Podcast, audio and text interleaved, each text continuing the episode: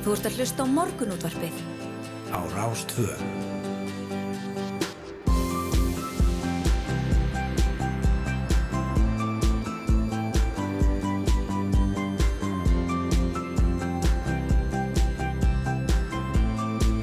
Morgunútvarpið Á Rástvö. Morgunundarbyði fer hér að stað miðugudaginn 27. apríl klukkuna vantar tímyndir í sjó og það er yngvar Þór og Snæru Sindradóttir sem verða hérna með ykkur til klukkan nýju. Já, og það líkur ekstra vel á okkur í dag. Já, ekki? ég held það. Það er hérna að svona sumariðir handa við hodnið. Mm. Við finnum það þegar við æðum út í daginn svona snemma Mhm. e, og, og ég held að það sé bara bjart yfir en það er hérna skemmtilegu þáttu framöndan. Algjörlega. Uh, það er einhver logið um það að okkur dagskerða fólki á rúf berast ótal kvartanir yfir svo kalliðu kyn hlutlösu tungumáli og á lögadag það verður málþing á vegum íslenskrar málnefndar um þessa málnótkun og þeim spurningum varpað upp hvað felist í kyn hlutleysi, hvað kyn séu mörg og hvort hefðir eða viki fyrir jafnbretti. Það er komið til okkar annars stýrur þráhansdóttir, málfarsraðundur Rúf og Ingun Hreinberg Indræðadóttir, doktorsnemi í íslenskri málfræði en hún er í hópi málfræðinga við HÍ sem er að stopna rannsóknarstofu um félagsmálfræði. Það verður forðanlegt á eftir. Já, heldur betur og e, já, nú þegar snjóþungum vetri léttir hugsa margir sér til reyfings, ekki síst áhuga fólkum utanvega og náttúrulaup og hlaupasamfélagið náttúrulaup býður upp á ímiskonar námskeið fyrir hlaupara meðal annars grunnnámskeið á næstinu og e, sem gæti verið skynsalegt skref fyrir þau sem langar að prófa að hlaupa utanvegar og Elisabeth Margirsdóttir og Birkir Mór Kristinsson þau eru reynslu mikil á þessu svið og sinna þjálfun sem þau segja mikilvæga á öllum stegum og við fáum þau til okkar í smá hlaupaspjall hérna upp úr klukkan hálf nýju og eftir. Einmitt. En ríkistjórninni mætir tölfur mótundur þessa dagana vegna sölu Íslandsbanka en svo hefur einnig hittnað verulega undir einstaka ráþörum á stuttum tíma til að mynda vegna umdildra ummæla innviðar á þeirra, þyrtuflugs dómsmálar á þeirra og afstöðu utanekkisándisins til hvít rúsneska ólíkarkans Aleksandr Mosenski. Við ætlum að fá til okkar tvo spekulanda til að ræða stöðu stjórnarinnar, þá Gísla Frey Valdarsson, frettastjóra viðskiptamókans og Andres Jónsson, almanatengil. Já, já, og e, úr e, þingunni í, í ríkistjórninni yfir í, í djammið og skemmtarni lifið. Þetta er ágættsbrú. Já, ágættisbrú. E, Kolbrún Baldursdóttir, borgarfulltrúi Flokks Fólksins, hún gaggrindi á dögunum fyrirkomulag skemmtana lífs í miðborg Reykjavíkur og þá sérstaklega starfsemi klúpa sem opnir eru til hálf fimm með tilherandi háfaða, götupartíum, skrílslátum, sóðaskap og ofbeldi eins og hún orðaði það. Mm. Og þá hafa margir tekið eftir kostuðum auglýsingum á samfélagsmiðlum undanferðið þar sem talaði fyrir því að kjósa háfaðan burt úr miðborginni. Og við ætlum að ræða þetta, djammið og skemmtana lífið og fyrirkomulega þess við Kolbrúnu og Björn Árnason, hann er eigandi skúla Kraftbar. Einmitt, svo er það framundan uh, kostningar. Jújú, jú, utan kjörfunda atkvæðagrísla fyrir komandi sveitastjóðnarkostningar 14. mæ er í fullum gangi. Það er hægt að kjósa utan kjörfundar hjá öllum síslumanns, embættum landsins og hjá sendiskristofum Íslands og ræðismönnum Erlendis og þessi utan kjörfunda atkvæðagrísla í höfuborginni fer fram í Veslunum miðstöðunni Holtagorðum. En við ætlum að ræða við síslumannin á höfuborgarsvæðunum, Sigriði Kristjánsdóttur, um hvernig þetta allt saman gengur, hversu margir eru búin að kjósa og áhrif nýra kostningalega sem ringa meðal annars kostningarétt fólks hér á landi af erlendum uppruna. Æmitt. En landsmötu hvaðamanna fór fram á Östurlandi um nýlina helgi en landsmötu er árvis viðbrur fólks með áhuga á ímskonar hveðskap eins og ég að nafni gefið til kynna. Við ætlum að fræðast um mótið sem næst verður á vegum hvaðamannafélagsins íðunar með formanið þess Báru Grímsdóttur sem einnig er tekin við sem formaður stemmu landsamtaka hvaðamanna. Já, Mættir hann að vera hvaða fólks með að við svona þetta kynhlutlisa mál sem Já. við erum að, tala um hérna í lokþáttar. einmitt, einmitt. Herðin, en við skulum líta á fórsíðu blana og, og við verðum kannski að byrja á fórsíðu fréttablasins. Jú, jú, það er uh, könnun, ný uh, könnun fyrir fréttablaðið sem að uh, bendi til þess að ríkistjórn sé kolfallin, sjálfstæðisflokkurinn mælist með innan við 18% fylgi og sósalistar fengju öll þingsæti miðflokksinn sem að eru nú ekki, ekki mörg. Ríkistjórnir fallinsakarnir þessari skoðanakönnun uh, sem að prósent framkvæmdi fyrir fréttablaðið. Stjórnarflokkarnir mælast þar samanlagt með 39,9% fengju 26 menn kjörna Mm en 32 menn þarf til að mynda meirluta. Já, já, ef við dröfum þetta saman þá er sjálfstæðisflokkurinn að missa 5, framsvöndaflokkurinn 5 og vinstri græn 2, miðflokkurinn 2 og flokkur fólksins 1. Já, einmitt. Uh, en á samanskapi þá bæta píratar og samfélging við sig 7% hvor frá, frá síðustu kostningum. Samfélging mælist nú með 16,8% og, og píratar með 16,2%. Þetta er nú svona, þetta er auðvitað einan skekkjumarka þessi munur. Já, Um, viðreist bæti við sig um 1,5% og einu manni. Þannig að, já, það er svona, um, þetta er fornilegt og það hljóta nú fleiri kannar að fylgja í kjölfarið. já, já, þessi konu var framkvæmt alveg til 27. april þannig að þetta hérna svona nýjustu vendingar þarf að spila inn í Já, já, já. En uh, hér á fórsíðu morgunblassis er, uh, ég talaði um það að, að verða á ráföru hefur hækkað hratt þessa dagana og möguleikir á skorti og ákveðnum hráöfnum til lengri tíma. Og hér er meðal annars talað um ja, kjúklingakjött ja, allar vöru sem bakar eru kveiti og solblóma olju e, og e, þetta kemur fram í minnisblæði sem Sandi Svavastóttir, matvælar á þeirra laði fyrir ríkistjórn í gær e, og í minnisblæðin er vísa til upplýsingar frá hagsmunasamtökum fyrirtæki af vestlun og inn- og útflutningi. En þar segir að sífælt erfiðara verða að útvega vörur á borði kjúklinga og nautakjött eh, nema þá á mjög háu verði, háu verði meðal annars vegna hækkandi orku, fóður og ábyrgakostnaðar og e, sömu samtök segja miklar verðhækkanir framöndan og byrkjar séu farnir að bæta einsum gjöldum ofan á verð eins og orkugjaldi og oljugjaldi kassa og brettagjaldi Einmitt. þannig að þetta hefur tölverð áhrif og, og hérna e, og mun hafa einhver áhrif allavega svona hérna til skemminu tíma Já, já, algjörlega. En hér á uh, síðu tvö í fréttablaðinu er uh, lítil og einföld frétt en hún segir frá því að öll listaverk myndlistamannsins Ragnars Kjartanssonar sem voru á síningu hans Santa Barbara í Moskvu séu komin aftur til hans og gallerist, galleristans á Íslandi og í Bandaríkinu. Ragnar tóku þetta ákvörnum að loka þessari síningu um, í kjölfar innrásar rússa í Úkrænu í februar síðastlunum en að sögn Lilju Gunnarsdóttur sem sér um vinnustofu Ragnars skiliðu verkin sér aftur til Ísland sem síðustu mánaðamót en hlutið þeirra var svo sendur til bandaríkjana. Þetta sem sagt ágættis leksja í bjúrokrasju eins og hún lýsir því. Já, einmitt Nú það er nú ákveðt að fara alltaf yfir hérna e, fórsöðu myndina sjálfa en e, það er skemmtileg mynd hér á, á fórsöðu morgunblassins e, af e, já, fyrsta leik bestu deildarinnar e, nei, þetta er í rauninni annar leikur spilaði tvei leiki náttúrulega í, í Íslandsmóti Kvenna í fótbolta sem hóst í gerkvöldi Mm -hmm. IBVF og Stjarnan skildu jöfn í fyrsta leik deildarinnar eh, 1-1 en er myndin hér af, af Íslandsmeisturum Vals sem hófu titilvörnina á því að segra þrótt 2-0 í skemmtulegum leik á hlýðarenda Nega konan Þóra Björg Stjáfansdóttir skoraði fyrsta mark Íslands mótsins og hann var nú bara ágættis veður sámaður og við ræði vel á, á þá sem mættu á völlin Já, einmitt. Um, svo lagði Manchester City Real Madrid í undanúslutum meistardildar Evrópu í gerkvöldi. Já. Ég, ég sá það aðeins, sá að sér skott að þeim leik. Já, einmitt, það er svona mikið að gerast í sportinu þessa dagan og, og því fagnar alltaf margir Já, en sko City hafði betur uh, með fjórum mörgum gegn þreymur. Já. Sjö marka leikur er náttúrulega ég bara veistla fyrir, fyrir mig sem er svona köruboltamanniski þá Já, hérna, finnst mér betra að það sé skora svolítið. Já, eitthvað svona 1-0 leikir eða 0-0 ég bara skil ekki, Já, ég skil ekki tilgangin sko. Nei, við rættum eh, sko ísokki hérna við hulda eh, á mánudaginn. Einmitt, og það eru svona skemmtilegar sko, skemmtilega úslitin þar. Það eru svona með kannski fjögur til sex held ég. Ég horfum mjög lítið á þetta en það fjögur tvö með liðinu svo leikið svo ofta að fara þannig í hockey. Já, algjörlega. Þetta er svona, já, það er ekkit, það er ekkit brjálæslega mikið skorað, Nei, en, en svona nægilega mikið alltaf algjörlega. En þau skora á fréttastofu Ríkisútarsins við ætlum að heyra hvað þau hafa að segja eftir uh, nóttina og morgunin. Þú ert að hlusta á morgunútvarpið. Á Rástvö.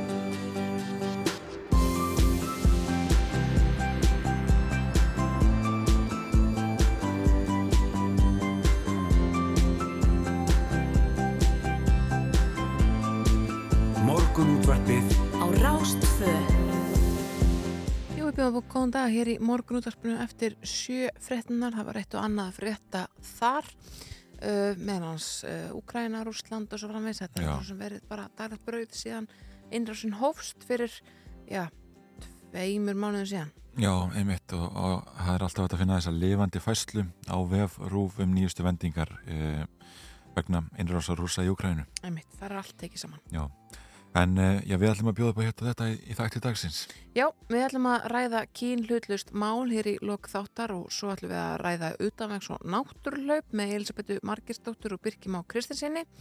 Uh, við ætlum að fjalla um stöðu ríkistjórnarinnar með tveimur spekulantum uh, aðeins að ræða tjammið og háa það í miðbænum. Já.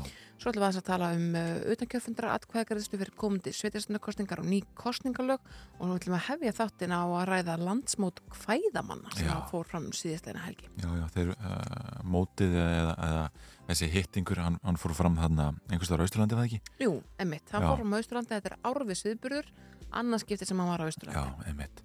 En uh, já, taldum um uh, Austurland og, og landu okkar, það er alltaf gott að fara yfir veður og færð hér uh, eftir sjöfrettir. Í dag veru fremur hæg breytilega átt í öllum landslutum, skíjað og viða dáli til súld eða rigning, uh, síst suðvestalands. Er líður á daginn er síðan útlitt fyrir að létti heldur til á vestaveru landinu og hiti verður á bílunum 3 til 12 stig svalast á vestfjörðum en mildast síðst og þegar við förum hérna eh, og skoðum kortið á AVF e, viðstofunar þá er nú bara bjart yfir sérstaklega þegar svona líður á daginn og, og hérna ef við lítum til að mynda á stöðuna klukkan 6 í kvöld þá ættu nú nánast allir landsmenna að sjá e, sól Já, og, hérna, og svona vera með hægan vind og, og, og þægilegt veður, getur við sagt. Ég, ég held að sé óæð að segja þessi grillveður. í Það er kortinu. grillveður, já, Já. einmitt. Nú er fólk að ríja fram grillin og, hérna, og, og, og sjaldan betra veðurinn í dag. Algjörlega, það er fyrir þau sem eru vöknuð og eru byrjuð að hlusta þá bara um að gera að fara að skipulegja ja, hvað að fara að grilli í kvöld. Já, reynsa grilli til og, og, hérna, og klára engabun bara. Já, já, já, algjörlega. En um, það er nú ekki mikið að frétta að færð á vegum hér á vegagerðarinnar. Það er greiðfært á öllum helstu leiðum uh, en auðvitað hafa hólur myndast í Malbyggi víðast hvarum landið. Það er líka hálka á haldun eftir nóttina og uh, á dynjandesheiðinni er vegurinn engangu fær fjórhjóladrifsbílum vegna örbleitu. Það verður, verður þvottur í búlangavíkugöngunum í þessari viku og vegfærandur eru því beðnir um að sína aðgátt til þessemi. Á Norðurlandi er vegur 717 í húnaferði lokar einmitt vegna örbleitu líka frá gatnamótunum að Vassvegi við Þorfinnstað og nærað Borgavirki.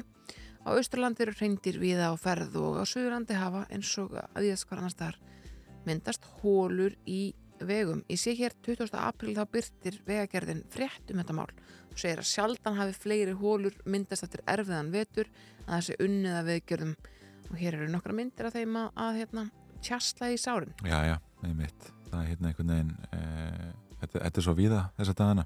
Já. Þannig að það er ágætt að hérna, að það sé gengið rætt í þessi verk. Já, það er bara seitlar vatnir í malbyggið og, og sprengir upp þegar Já, að það fyrstir. já, já, einmitt. En við skulum hefja að leika á einu lægi yngvar. Hva, hvað bjóðu við upp á? Þetta er uh, nýtt og vinsaldastöðinni. Lægið Bleikur Blár með Fredriki Dór. Ég elska þegar þú Baða þig í aðtikli Því ég veit að við Munum meða saman nóttinni En það sem sést í ljósunum Bara hluti af heildinni þekki allt í leyndarmál Hvíslar þeim að mér undir sænginni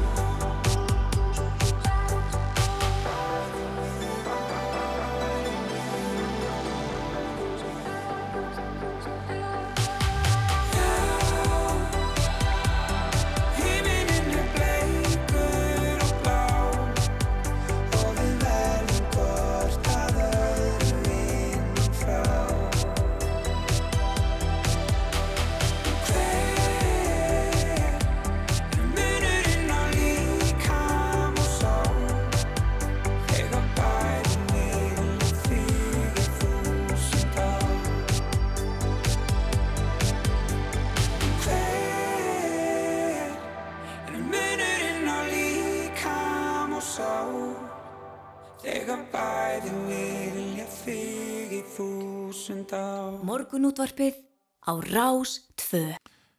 Bleikur og blár með Friðriki Dór en við rákum augun í áhugaverða frétt hér á VF eh, Breska Ríkis útarsins sem tengist nú því sem oft hefur rætt um í þessum þáttum, það er hækkandi orkuverð. Já, emitt orkuverð verðist samkvæmt þessari frétt að hækkað um 54% í Breitlandi og það kemur hérna fram að uh, bresk heimili getu sparað að meðaltali 147 pund á ári með því að slökka á svo kallum vampýrutækjum eins og þeir ára þetta. Mm, og það eru þá tæki sem eru stöðut einhvern veginn í gangi en, en værilega hægt að kvíla. Já, er ekki í nótkunn, þetta eru sko tölfur, leikjatölfur, um, sjónvarpið sem að er sem sagt, það er á á svona standby stillingu. Mm. Að það er að nota orku en, en e, það er ekki, sagt, það er raun og verið ekki slögt á því en það er ekki verið að nota það, Já, hér það er líka að tala um sko símalhelsutæki emitt. og prentara e, hérna, og alls konar, alls konar græjur sem við, við notum mikið í daglegu lifi.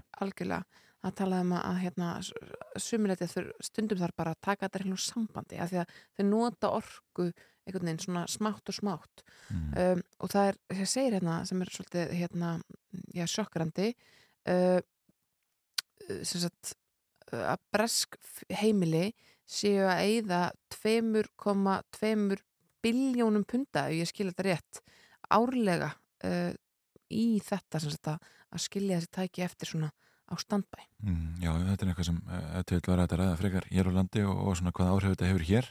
Sko við Íslingar, ég hef oft spáðið þessu með vass, bæði vassnótkunna og ramasnótkunna við förum mjög ósparlega með uh, og hlægjum að öðru fólki sem að, þess að fólki frá öðrum þjóðum sem að gengur á milli herbyggja þessu svíþjóð og slekkur ljósið á eftir sér. Mm. Um, við förum mjög að heiman með allt kveikt. Já, svona nánast, já, einmitt. Þú veist, okkur finnst það mjög aðlilegt. Já, já, einmitt. Um, þetta er hérna eh, orkuspartnar, þetta er eitthvað sem eflust verið rættum meira núna svona næstu árum hér á landi líka. Já, en er það ekki líka rétt hjá mér að hérna, sko nýljós, þau nota minni orku heldur en, heldur en það gerðu fyrir kannski 20 ára síðan. Jú, ég held að það sé eitt af því sem hefur gerst. Er það ekki? Jú, en ég nú ekki að, ekki að þykist um einhver sérfræðingur í, í orku og, og ljósamálum eins og þess. Já, meina, þú ert ekki rafvirki. Ég er ekki rafverki. Herru, við ætlum að ræða hér uh, kvæða, kvæðafólk eftir skamastund. Uh, landsmót, landsmót kvæðamanna fór fram á Östurlandum nýlina helgi og við ætlum að ræða það og, og ég held þau dyrðir á því móti við Báru Grímsdóttur sem að er formaður stemmu landssamtaka kvæðamanna. En fyrst eitt lag.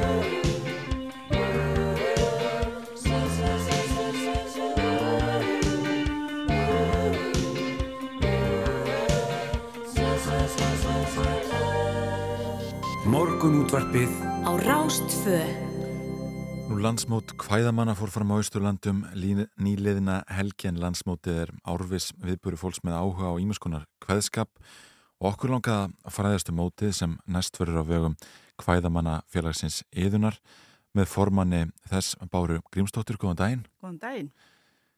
Já, segðu okkur bara, sko, hvernig fór þetta mót fram? Maður þekkir landsmót hestamanna og svo framvegs landsmót kvæðamanna, er það eitthvað sambarlegt? Ég hef nú aldrei farið á landsmót hestamann en ég get nú samt alveg ímynda mér að þetta sé nú ekki alveg beint líkt. Nei. En að jú, það getur vel verið að sé nú eitthvað kveðið. Já, ég myndi eða halda það. gamla Já, já. En hvað Já. gerist á, á landsmóti hvæðamanna? Þetta, við hefum nú haft þetta nokkuð svona hefðbundið að mörgu leiti við, þetta byrjar yfir þetta förstaskvöldi og þá halda aðildarfélögin svona tónleika og það eru hvenar rýmur eða, eða kvæði, skemmti kvæði oft og svo notum við lögadaginn mikið í námskeið þar sem að, þar sem að er verið að kenna svona kvæðamennsku, Mm. mm. kenna fólki stemmur og því um já. og, og oft er bragfræði, það var reyndar ekki núna um helgina en, um, en ég var að kenna þarna líka eh, fólki í ímsa tegundur af íslensku þjólugum Mhm. Já, já. söngslög Mm. og danslög En þeir eru að kenna stammur og, og fleira, sko þetta eru þetta, já, þetta fylgir svolítið stífu formi, hinn ymsu bragarættir. Jú, það, það er alveg rétt Uh, og og það er, er ekkert mál að hafa þá bara reyðum höndum og svona hveða jafnóðum og vita einhvern veginn að, að það er alla línur að passa og að stöðlarnir eru á réttum stað og svo framvegis. Það, sko, þeir sem eru að yrkja þarna allavega innan okkar eru nú yfirleitt með þetta hreinu Mm. en svo erum við líka að, að yrkja, nei hérna að hveða stemmur Mm. Já, við einmitt. bara svona tilbúin kvæði sko. Já, en, en hvernig er, er aldurstrefingin á móti sem þessu? Er, er ungt fólk að koma til þín og, og læra hvernig best er að gera þetta? Já, sko, á landsmútunum voru nú ekki margir ungir, allavega ekki þetta sinn, en, um, en innan til dæmis hvaða manna félagsins yðunar er mikið af ungu fólki. Mm. Já, Við erum svo heppin að hafa til dæmis börn sem að hafa já, lælist upp í þessu. já, Já. skemmtilegt. Hvaðan, hver þú þinn áhuga á, á hvaðskap? Ég ólst upp við þetta. Ég kem úr uh, Vastalum, Mm. var lítil í Grimstungu í Vastal og þar voru afi að, og, og fleira fólk, pappa og mamma að kveða Mm. Og amma og um, svo þegar við fluttum söður þegar ég var lítil þá gengur fóreldra mín í hvaða manna félagið yðinni og við fórum stundum áfundi með þeim við yngstu sískinni. Já, Mm. og svo ert þú formar þar í dag? Svo er ég fór þar í dag. Já, skemmtilegt. Já. Eh, Þú ert nú með bók hérna með þér og Já. okkur langar endilega að fá þig til að fara með nokkra ferskillur. Já. Uh, ég rakst á þessa bókum uh, um daginn, um, keft hana, uh, hún er eftir Emblur hún Hakadóttir og heitir Ég er nú bara kona og ég var svo glöð þegar ég rakst á sundlega vísu. Sko. Já. Já, Þegar giktinn fór að hrjá mig að þá er ég búin að vera voðalega duglega að fara í sundlegarnar. já, já. Jú, það er, hún, sundlegaðar eru allra, allra meina bót. Já, sannarlega. Sundlaugin er góð og gegn og glæðir í mér kraftinn þar ég gleðst er grjóthart regn. Gefur mér á kjaftin. Og í potti ein með stæl ekkert þarf að gera í mínum heimi svamla sæl. Svon er gott að vera. Ég lifna við, er ligg ég hér, líkt og meinin batni, feikna holt og friðsælt er að fljóta í heitu vatni. Mig sóla fyrir sál og kropp, syndi nokkra metra, í gufu tek ég gleði skopp, það gerist ekki betra. Másandi af miklum dug með að lauga flakka, skóla baksund, skrið og flug, ég skýst á milli bakka. Í sundlauginni er mikið mas og margt að sjá og heyra, stundum er hér þjark og þras um þjóðmálinn og fleira. Og ef mér lítið liggur á, litlu eirun hlera og kannski stundum kík ég smá á karlmennina bera. Já, Þetta er stóra skemmtilegt. já, ástarlega til íslenskara sundlega. Já, En hvað þarf að, hvað þarf að hafa í huga þegar að uh, þið skipla ekki svona kvæða, uh, kvæðamannamót eins og, eins og þið hjá yðin eru það að fara að gera á næsta ári? Uh, sko við hjá yðinni til dæmis erum með viðbyrðið þrísvar í mánuði frá oktober til mæ Mm og það eru hvaðalega æfingar. Þetta er í fyrsta miðugdag í byrju mánaðarins og förstu daginn eftir hvaðalega æfingu þá erum við með skipulegan fund.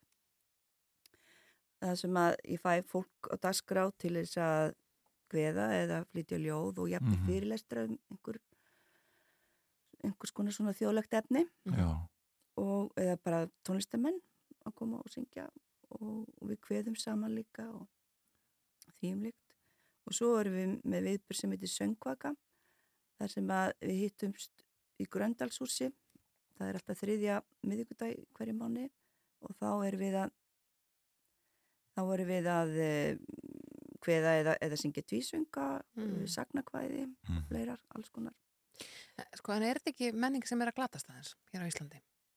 sko, ég held að þetta sé nú, sko, ég er svolítið bjart sín, sko, ég Mm. allavega hér á söðvestur horninu þá, þá erum við að fá ungt fólk með okkur Mm. og maður heyri svona, já, af ymsum vera að kveða og, og halda þessu við já, og, og það er til dæmis, það er til dæmis kvæðakór, sem er, já, þau kalla sig kvæðakórin og þau eru að kveða stemmur, þetta er ungt fólk, margt listafólk mm. og er að svona, gera svolítið öðru sér hluti við það, syngi í röddum og svona. sko. já, einmitt og við heyrum það svo sem á, á hvaðinu sem þú fluttir að, að þetta er svona texti sem er mjög aðgengilegur ungu fólki, þetta er eitthvað sem, sem við snærus kætum alveg tengt við þegar við fyrir með lögina já, Já, og hún embla, hún er nefnilega, sko, hún er bara ung, ég held að sé bara 36 ára, sko, Já, já, einmitt með góð tök á, á, á þessum Já, þessu þetta er formi. formi. Já, Já, gaman að þessu. Bára Grímsdóttir, uh, nýtekinu við sem formaður stemmu og formaður uh, hvaðmannafélagsins yðunar. Takk kærlega fyrir komuna í morgunútarpið. Já, takk fyrir mig. Við maður heyra smá músík og skipta svo yfir á fréttstofuna.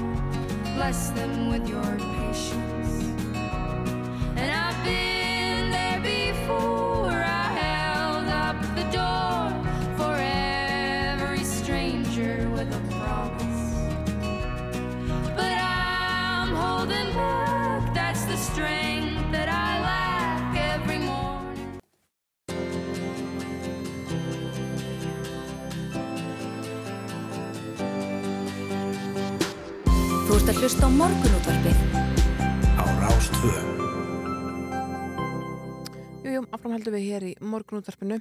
Utankjörfundar atkvæðagaristlega fyrir komandi sveitisvarnarkostningar er í fullum gangi. Það er hægt að kjósa utankjörfundar hjá öllum síslumannsembættum landsins á afgjörðlu tíma þeirra og hjá sendiskristofum Íslands og ræðismönnum Erlendis. Hún er komininga til okkar Sigriður Kristinsdóttir síslumæðurinn á höfuborgarsvæðinu uh, og ætlar að ræða við okkur svona um hvernig gengur og áhrif nýra kostningala. Ertu velkomin Sigriður? Takk. Sko, utan kjörfunda atkvæðagreislan í höfuborginu fer fram í Vestlunarmiðstöðinni. Holtagöru með það ekki. Jú, Hvernig fer þetta á stað? Hvernig er þáttakan? Þau bara farið bara vel að stað. Við opnum 15. april sem var fyrstaðan langi og það voru 42 sem kursu þá, eða 30 hjá okkur og 42 út um allt land. Uh, og síðan var bara góð þáttaka á lögadeginu fyrir páska, var um 90 mann sem kurs. Mm. Og það sem af er utan kjörfindi atkvæðagreistur þá hafa kosið hjá okkur á höfuborgarsvæðinu 899 og landinu öllu 1235. Já, og eru það fleirið að færri en á sama tíma fyrir síðustu kostningar? Sko þetta er, eins og þið sögðu, það er komin í kostningalög og nú eru fjóra vikur sem utan kjörfund atkvæðagreislan er en áður var það í átta vikur. Mm -hmm. Þannig að það er mjög erfitt að byrja þetta saman mm. En ég tók sem dæmi að e, þegar átjöndagur voru í kostningar eins og er núna að þá höfðu 447 greitt atkvæði hjá síslumannum höfuborgarsæðinu þannig að það er mun meiri þáttaka núna heldur en var. Tvöföldur. Sko þetta hefur aðeins verið að færast í aukan undanfarn ára. Fólk að mæta í utan kjörfundar og, og bara klára þetta. Ég er bara mm -hmm. þó að sé ekki að leiðinni til útlanda eða eitthvað. Hvernig stendur því? Ég nú veit ég það svo sem ekki að það virðist verið eins og segir. Hérna þetta er svona tilneig mm. í alþingirskostningunum fyrra þá voru frambjöndi þó nokkuð að hvetja kjósandi til þess að kjósa utan kjörfunda. Þá voru náttúrulega aðra aðstæður, það var COVID mm -hmm. hjá okkur, þannig að fólk var hrætt við að lendi í sótt kviða í nokkurinn og kjördegi, það er ekki núna, allan í minna mæli. Mm -hmm. En ég held að þetta sé bara svolítið kannski bara þróunin. Mm. En, en hvað áhrif hefur það á ykkur að, að breyta áttavíkum í fjórar? Já, bara við erum með þetta í stýttri tíma, þetta er venilega. Já, og það kannski heppilegra bara upp á, upp á mönnun og annað slíkt. Já, það verður gaman að sjá hvernig þetta kemur út. Þetta verður gengið mjög vel en það er nú yfirleitt minna um auðvitaðkjörfunda atkvæða greiðslir í en í alþingiskostningum og fórstakostningum. En auðvitað er þetta bara mjög gott og, og skipurlægið og það er auðveldur að skipurlægja þetta með svona stittri tíma. Mm. Spara þetta mikla peninga? Já, öruglega því að þetta munar alveg fjóru vikum mm -hmm. í mhm. greiðsli launakostnaðar. Já, já, já. Og vantilega leiðu húsnæðis. Og leiðu húsnæðis. Við byrjum strax núna uh, í Holtagörðum á annar hætt. Þannig að hérna það hefur ekkert verið kosu ennbættinu hjá okkur. Nei, ég Þið aðan alltaf gekk mikið á núna í síðustu alþingiskostningu það er að segja þess að þið þurftu að fara á milli og, og, hérna, og, og búið til fyrirkomulega þannig að fólk sem var í einogrun heima á sér gætt kosið. Þið þurfum ekki að vera með neitt skipulag þannig núna? Það er enga svo kallar COVID-kostningar núna þannig að það er bara það sam og áður. Það er hægt að óskæftir því að kjósa heima. Þá þarf raukst ég að það hvers vegna við komum til kjánstykja á kjörsta þannig að þær reglur eru bara það sömu og við mhm. höldum því áfram og síðan eru við með náttúrulega kostningar í stofnunum mm. þær eru byrjaðar hjá okkur mm. Stofnunum er þá fangilsi, sjúkrahús sjúkrahús, sjúkraheimili, mm -hmm. dvalarheimili Já, Já. Þannig að þær eru alltaf að fara að stað með svona góðum fyrirvara. En þær eru byrjaður Já. Og þær, þær stendur alveg fram til förstu dagsins 13. mæ mm -hmm. sem við förum á þær. Mm. Mm. En í kostningalög þú hafa líka áhrif á uh, Erlenda ríksborgara. -hmm. Getur þú útskipt fyrir okkur hverja breytinga þar eru? Sko þetta er svipuð ákvæði og voru í, í gamlu lögunum en það hefur verið hérna verið, skal ég ykkur segja, e, rým hækkun í nýju lögunum frá eldri lögunum. Þannig að, að, að norrænir ríkisborgarar, þeir öðlist kostningarétt til sveitastjórna strax og þeir bara skrá búsendur sína í sveitafélaginu, lögheimili. Mm. Aðrir erlendir ríkisborgarar, að þeir fá kostningarétt til kjörgegi eftir þryggjára samfélgabúsendu. Það var fimm ár, hvað mm. þá var það því og þrjú orð hvað var það í Norræna ríkisborgar áður. Mm. Þannig að fræðilega séð væri að smala frá Danmark og að skrafa lögumilsitt á Íslandi. Já, það er náttúrulega búið að gefa út kjörskrána núna, Já. hún er tilbúin, en ef einhver kemur inn, þá getur hann óskæftið því að vera tekinu kjörskrá. Já, já, þetta er ágætið sumið að fara að smala einhverjum normunum ykkar. Já, nákvæmlega, hérna, breytir öllu. En býstu við að þetta hafi mikil áhrif á, á kjörsókn? Ég átta mig ekki á því hvort að það skiptir máli, ég er ekki með tölun það hversu mikið erlendur ríkisborgum hefur kosið vennulega. Það yfirleitt er það ekki mikið um það. Nei. En er farið í eitthvað sérstaklega fræðslu fyrir þennan hóp? Þannig að hann veitir hérna að hann hafi kostningarætt. Við höfum ekki verið með það, við höfum bara sjáum utankjörfunda atkvæðagreisluna. Fræðslan myndi vera eins og er núna, í, það er núna komin hérna sér stjórnsíslu nefnd mm -hmm. sem að hérna er landskjörstjórn og hún á að sjá um framkvæmt kostninga og hún ætti þá að sjá um fræðslu líka. Já, einmitt. Og það er það... kannski rétt fyrir ekki að benda á kostning.is. Og síslumenn punkturis skástri kostningar. Já, en svona í lokin fyrir þá sem ætla að að kjósa utan kjörfundar í dag bara til að mynda, mm -hmm. sko þá mæta þér í Holtagarða og er, er nóg að vera með rafræðan skilriki að hvað er þetta með? Bara hafa skilriki til sannaði deili og rafræðan skilriki aukurskirtinnið, það, mm. það dýr, dýr bara vel. Þannig að það er bara að koma sann á sitt deili og við erum opið á milli 10 og 8 Já. Bestamál, Sigriði Kristindóttir, síslimaður á höfbrukarsvæðinu. Takk kærlega fyrir komuna í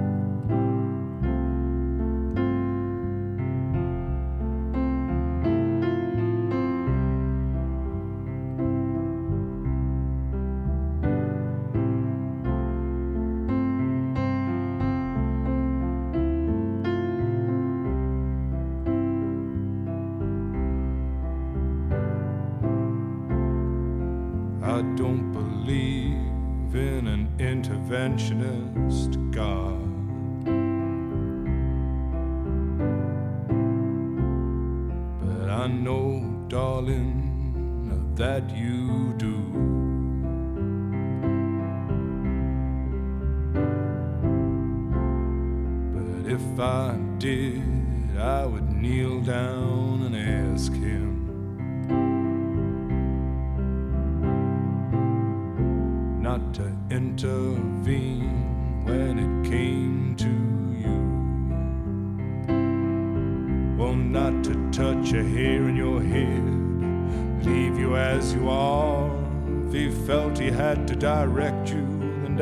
Direct you into my arms. Into my arms, oh Lord, into my arms. Oh Lord, into my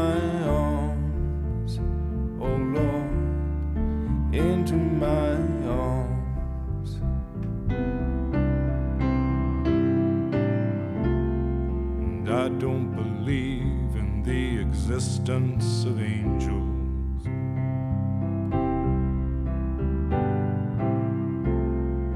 Looking at you, I wonder if that's true.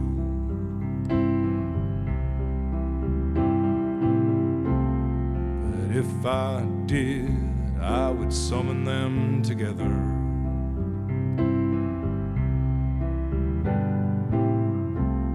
And ask them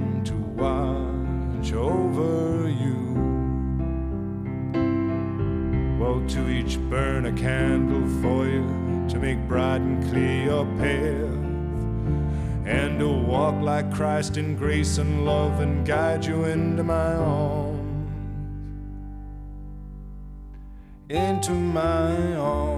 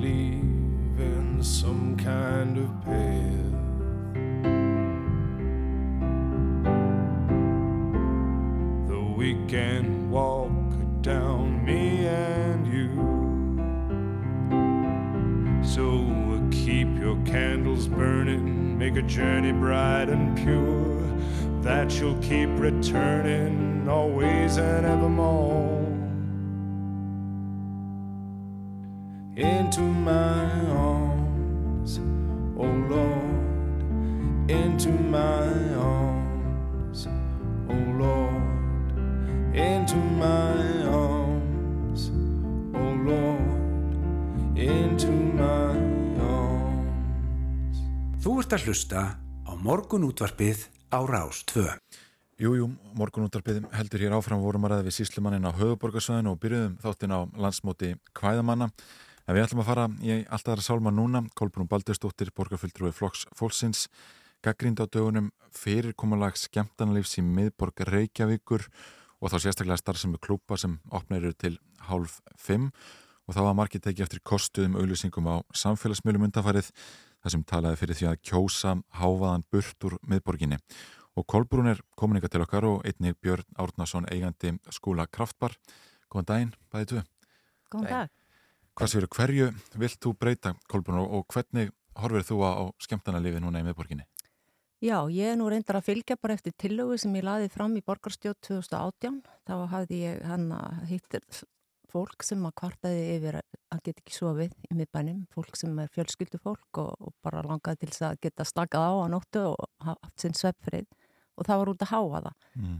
Síðan kom þetta COVID-ið og, og svona það var ekki eins mikil áherslu á þetta mál en núna eh, þá er náttúrulega eins og við vitum allt koma á fullt aftur svo ég fór að leita þessari tillögu og hún hefði nú verið vísað til umhverfs og heilbreyðsraðs og þar var hún enn en mér var sagt að ég ágræðana 18. mæ sem eftir kostningar. Svo ég ákvað að taka upp málið að nýju og fara að tala um þessi mál.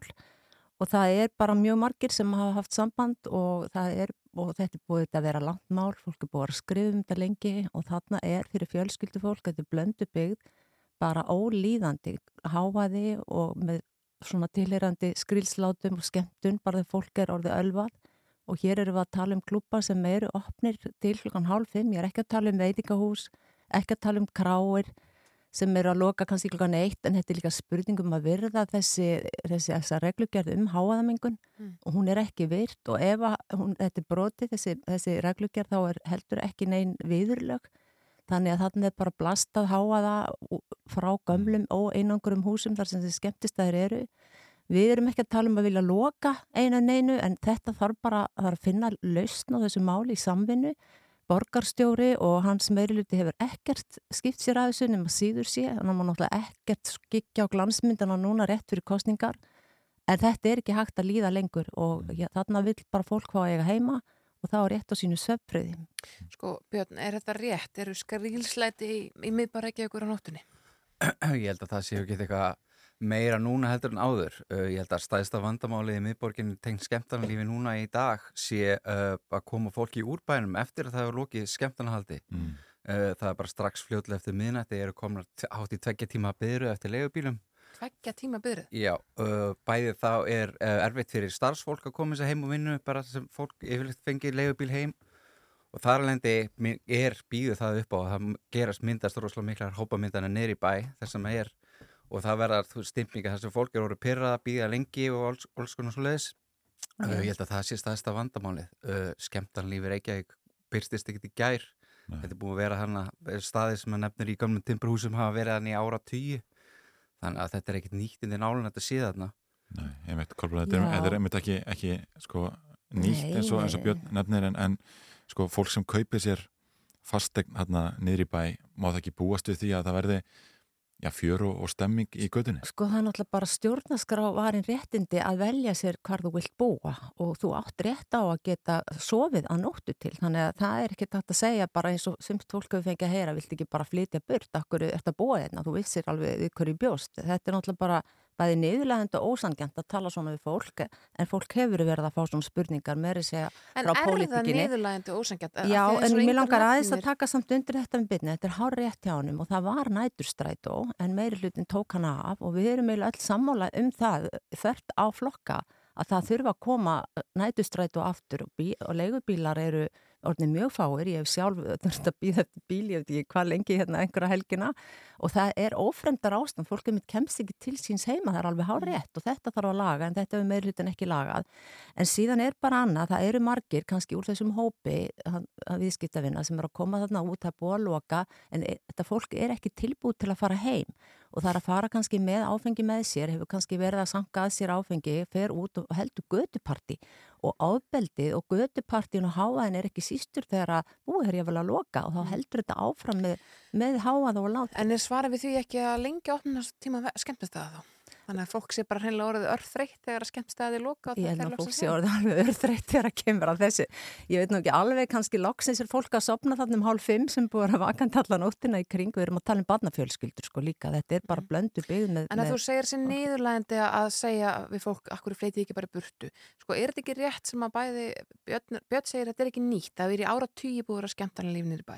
Þannig að allir þeir sem hafa keift sér, eins og nefnir barnafjölskyldur, það fólk var ekki að flytja sko fyrir 30, 40, 50 árum þegar að skemmtarnar lífi var kannski rólega. Þetta er íbúabyggt, Getur sko. fólk ekki sko gefið sér að lætin verði tölum? Þarna býr fólk, þarna eru hús, þarna eru íbúður, þetta er íbúabyggð og þarna á í raunin ekkit að vera svona skemmtarnilíð. Við erum ekki, ekki að tala um veitingastæðu, ekki að tala um hvað, ég er ekki að tala um það. En hvað viltu það En gera? Þú vilt ekki vil- loka stöðunum en, Já, en nei, viltu það bara lækka ég, tónlistina? ég vil og það er það sem að ég myndi vilja gera ef að kemur nú kannski meiri hluti þannig inn í þetta sem að myndi vilja ræða við ykkur um lausnir og til dæmis að þessi staðir sem eru með mesta háaðan og eru opnir lengst og, og að þeir væru kannski ekki akkurat þarna þar sem fólk býr, það væri hægt að fara með að mögulega þar sem eins og var í gamla daga þar sem að var í Þórskafi og Sigtúni það, þetta var ekki miðri íbúabyggð Þannig, en ég myndi vilja gera þetta í það- samráði Hvernig við- það fyrir þér, Björn, að það er þið, já, meðbærin er þið svona, ekki, kannski ekki skemmtist eða laus, en það, þeim er þið fækka verulega og dreift. Dreift, já.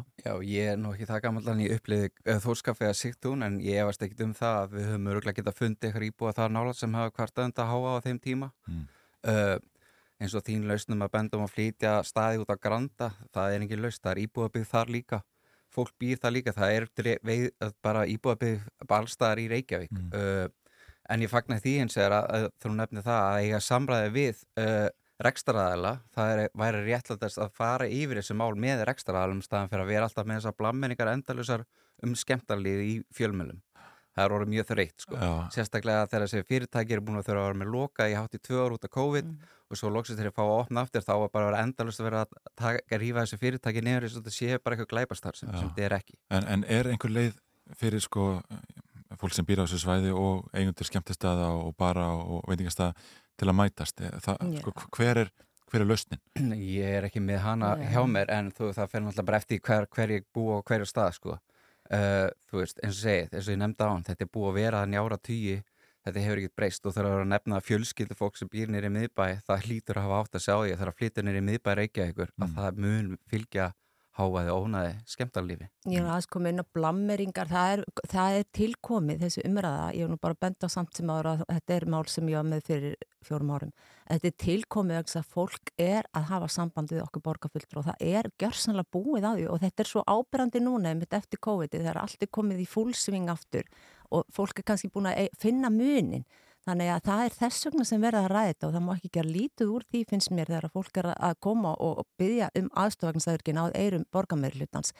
En já, það er eins og þannig að við verðum að geta unnið þetta saman. Ég er algjörlega á móti aðferða fræði þar sem er verið að keira yfir heila stjætt af, af hérna, eigundum skemmtistað og, og, og, fara bara að kveikja elda þar.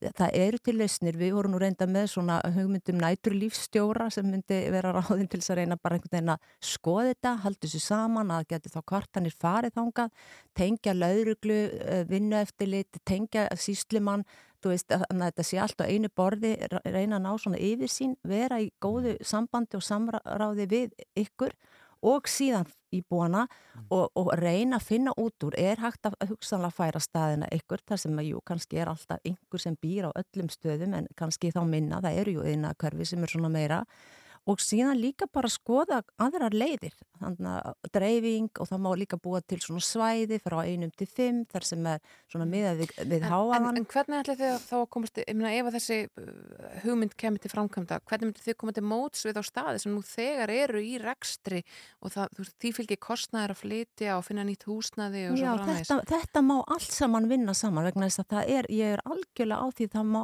ekki gera þetta þannig að þessir uh, eigundur þessar skemmtstaða tapi sko spón úr sínum aski með, á þann hátt að það sé bara verið að, að, að íta þeim eitthvað annað og, og, og þar með geta þeir bara átt sig. Það er ekki leiðin.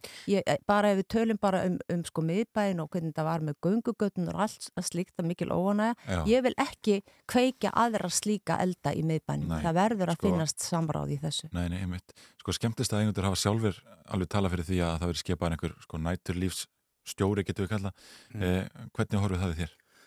Sko, nú er nýlega verið stofnuð samtök uh, skemmstæði Reykjavík uh, og uh, fyrirtæki mitt er innan þeirra samtaka og þau hafa talað fyrir fórstofnsmið þeirra samtaka hafa Mhm. talað fyrir því að vi- vilja að fyrirtæki sem er í þessum reksti, við vilja vera ábyrgafyllri og, og, og sína fram á það að það sé ekki verið ídönd og það er svo, umræðan er alltaf að, að allir bara og skemmtist að sé að keira áfengi ofan í þegar blindfuð fólks, það er bara ekki rétt uh, þannig að við, ábyrgin er alveg til staðar hjá skemmtistæðihendum. Uh, það er búið að veita rekstarlegi til fyrirtækja að stopna ákveðið tegund fyrirtækis þá er ekki alltaf að afturkalla það bara 1, 2 og 3 sko. Þannig að það var þá frekar þá hjá borginn til framböðar þegar fólk er að sækja um leifi að þá að reyna að fá að dreifa þessu. En Mhm. það sem er komið er, er ekki hægt að, að bara henda í burtu. Það er bara, gengur ekki En upp. hvað með opnunatíman? Var ráð að fara í allt loka klokkan eitt? Nei, það er náttúrulega hefur sínt sig að þegar allir staðir lokar á sama tíma þá myndast Mhm. ennþá meiri hópasöfnir í Mhm. bæ og það viljum við ekki. Nei. Ég bara vil fagna því og, og einmitt, ég ætlaði einmitt að fara að tala um það, ég er nú sálfræðingur svona til langstíma að það hlýtur líka að vera erfitt fyrir ykkur að einmitt bara að hugsa til þess að þetta er jú mikil háaði og það er ekkert verið að pæli að mæla hann neitt að það er fólk mögulega ósátt að reyna að sofa og annað slíkt. Þannig að það lítur að vera, að, að það sko græða allir á því að fara inn í einhvers konar samtal með það fyrir augum að finna lausnir sem fólk getur sætt sig við. Auðvitað er alltaf einhver sem verður kannski ekki alveg fullkomun ánæður, það er nú bara eins og þannig. En svona getur þetta ekki haldið áfram eftir því sem maður heyri lýsingarnar og bara ástandið þarna að modni, það er þarna hótel, fjölmörg, það er ferðamenn að koma út á modni og eru að fara út á völl og eru að fara í ferður og það mætir svona alls konar hlutir þar sem er ekki beint borgin til sóma, þannig að þetta er heldur bara samveld verkefni fyrir okkur öll að setjast yfir. Emitt, Kolbrún Baldstóttir, borgarfulltrúi Flokks Fóksins og Björn Átnarsson eigandi skúla Kraftbart, takk kærlega fyrir að koma og ræða þetta ja, átakamál. Já, já, við meðlum eftir að, heyra meira um þetta mál. Við ætlum að ræða hérna við já, Andrés Jónsson, Almanatengil og Gísla Frey Valdósson, eh, fréttastjóra viðskipta mokkans. Hér eftir smá um stöðu ríkistjórnarinnar. Henni ég mæti mikill mótvindur þessa dagana vegna sölu Íslandsmokka eins og við sáum. Já, ég kannski ágætla á þessari könnun fréttablasins. Já, hún er kolfallin samkvæmt nýri könnun fréttablasin sem að byrtist á forsju þess ágætablaðs í morgun. En fyrst heyrum við smá fréttir frá fréttastofunni. Þú ert að hlusta á morgunútvarpið. Á Rástvö.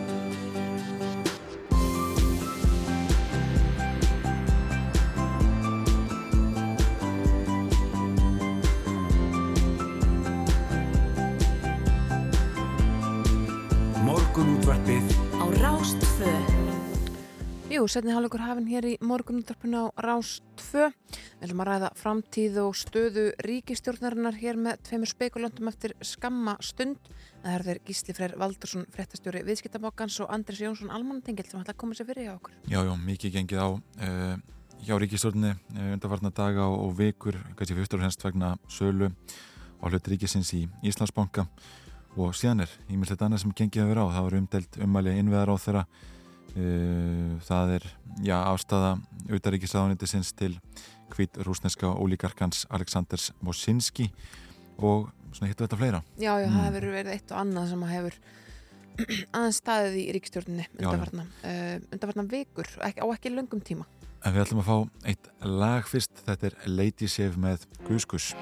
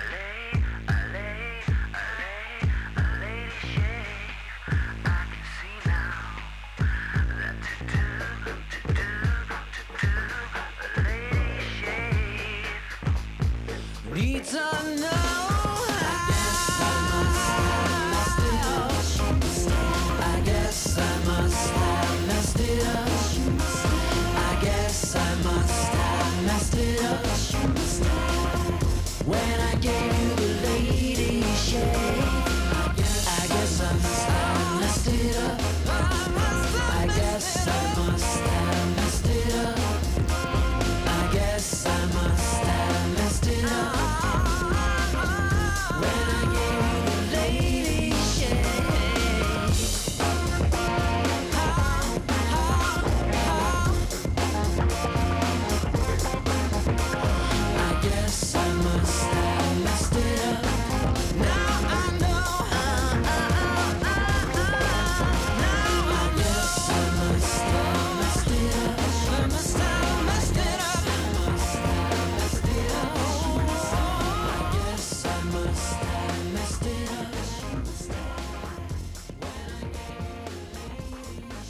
Morgunútvarpið á Rástfö.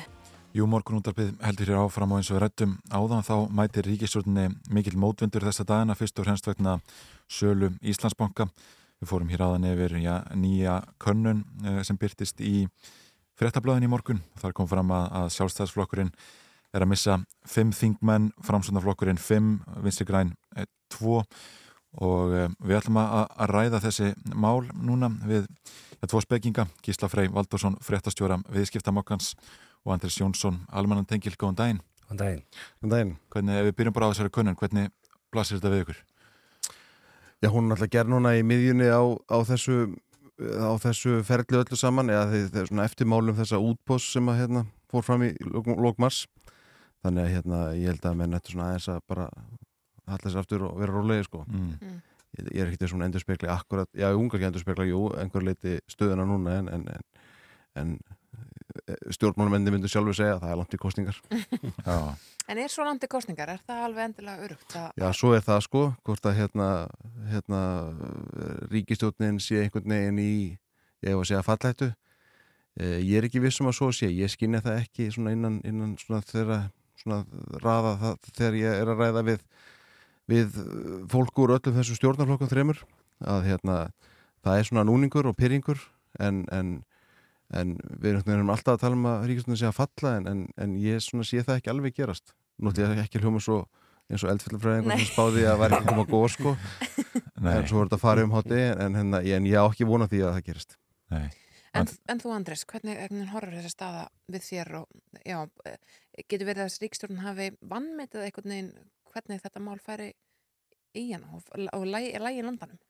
Já, ég held að vannmatt sér rétt orði yfir eiginlega öll skref í þessu móli sko, Mm. hérna, þessari bankasölu og, og ég held að Bjarni Ben hafi ætlað að uh, hafi ætlað einmitt að hérna, uh, lifta sér á þessum máli kakar sínum flokksmönnum og sínu baklandi að hérna, selja meira í þessum ríkisbanka uh, en, en eitthvað vannmeiti það hva, hversu mikið hann þurfti að fylgja því eftir að það væri rétt gert. Uh, ég held að uh, veist, það, er, það er bara auðljóst að, að, að, að þetta gessamlega misefnast, veist, þetta er ekki gert eins og lagt ára upp með og, og þar bendir hver og annan en, og, og, hérna, en, en al, almenningi verðist að vera algjörlega ljóst. Og ég held að flestum sem eru sangjarnir að, veist, að, að þetta fór ekki eins og lagt ára upp með. Og það er bara mjög alvarlegt. Það, það, þetta er ríkisegnum, við höfum þess að sögu um engavengu bankana og, og pólitískar afleggingar eh, hérna slíkra mála. Mm, Sko hvað skilabóð heldur að, að ja, Katrín Jakobsdóttir fórsættisrað þeirra sé að fá frá flokksfólki sínu úr, úr vinstu grænum? Heldur að þau hafi mikla þólimaði fyrir þessari stöðu?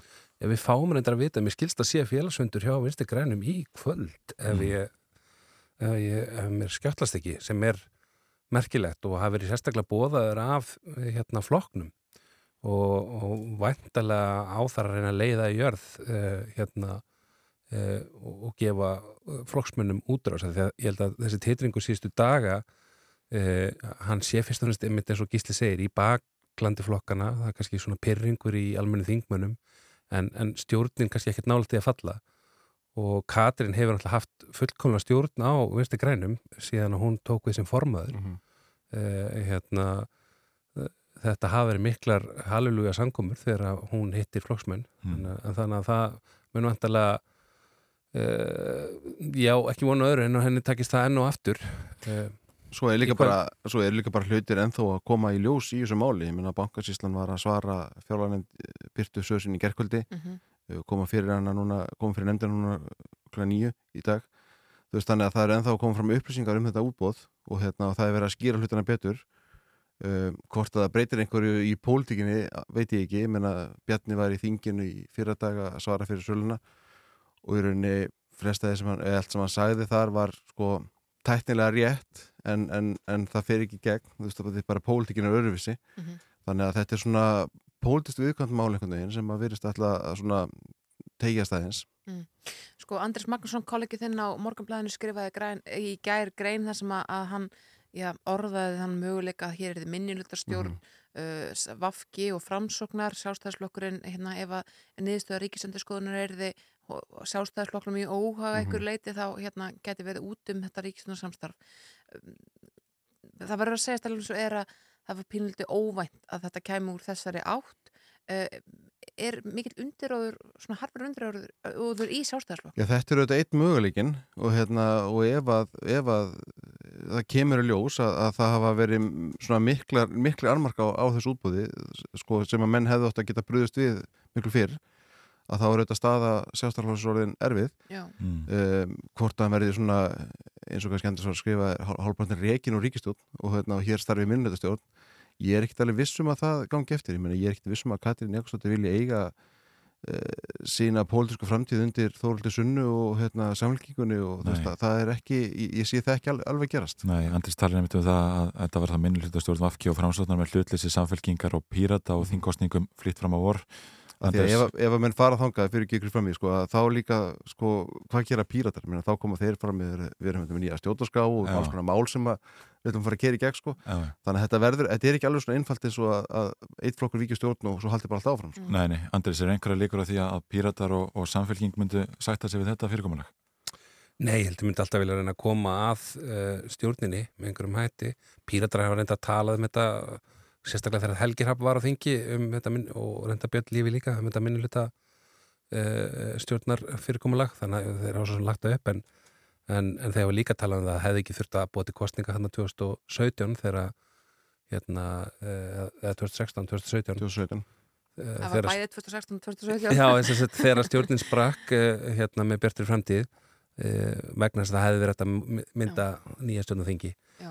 en, en hérna þá var stjórn, uh, stjórnarherrar vildu frekar kostningar þannig að það er svona hefðin líka, það er ekki mikil hefð fyrir að skipta um ríkistjórnir í, í, á miðugjördamili En sko, ef við veltum aðeins fyrir okkur bara svona persónum og leikendum í þessari ríkistjórn um, er ekki rétt skilja mér að það sé aðeins til dæmis kært á milli Katrínar og Bjarna uh, og það sé kannski freka þannig að framsunaflokkurinn sé sko þriðjahjólið í, í þessu samstarfi?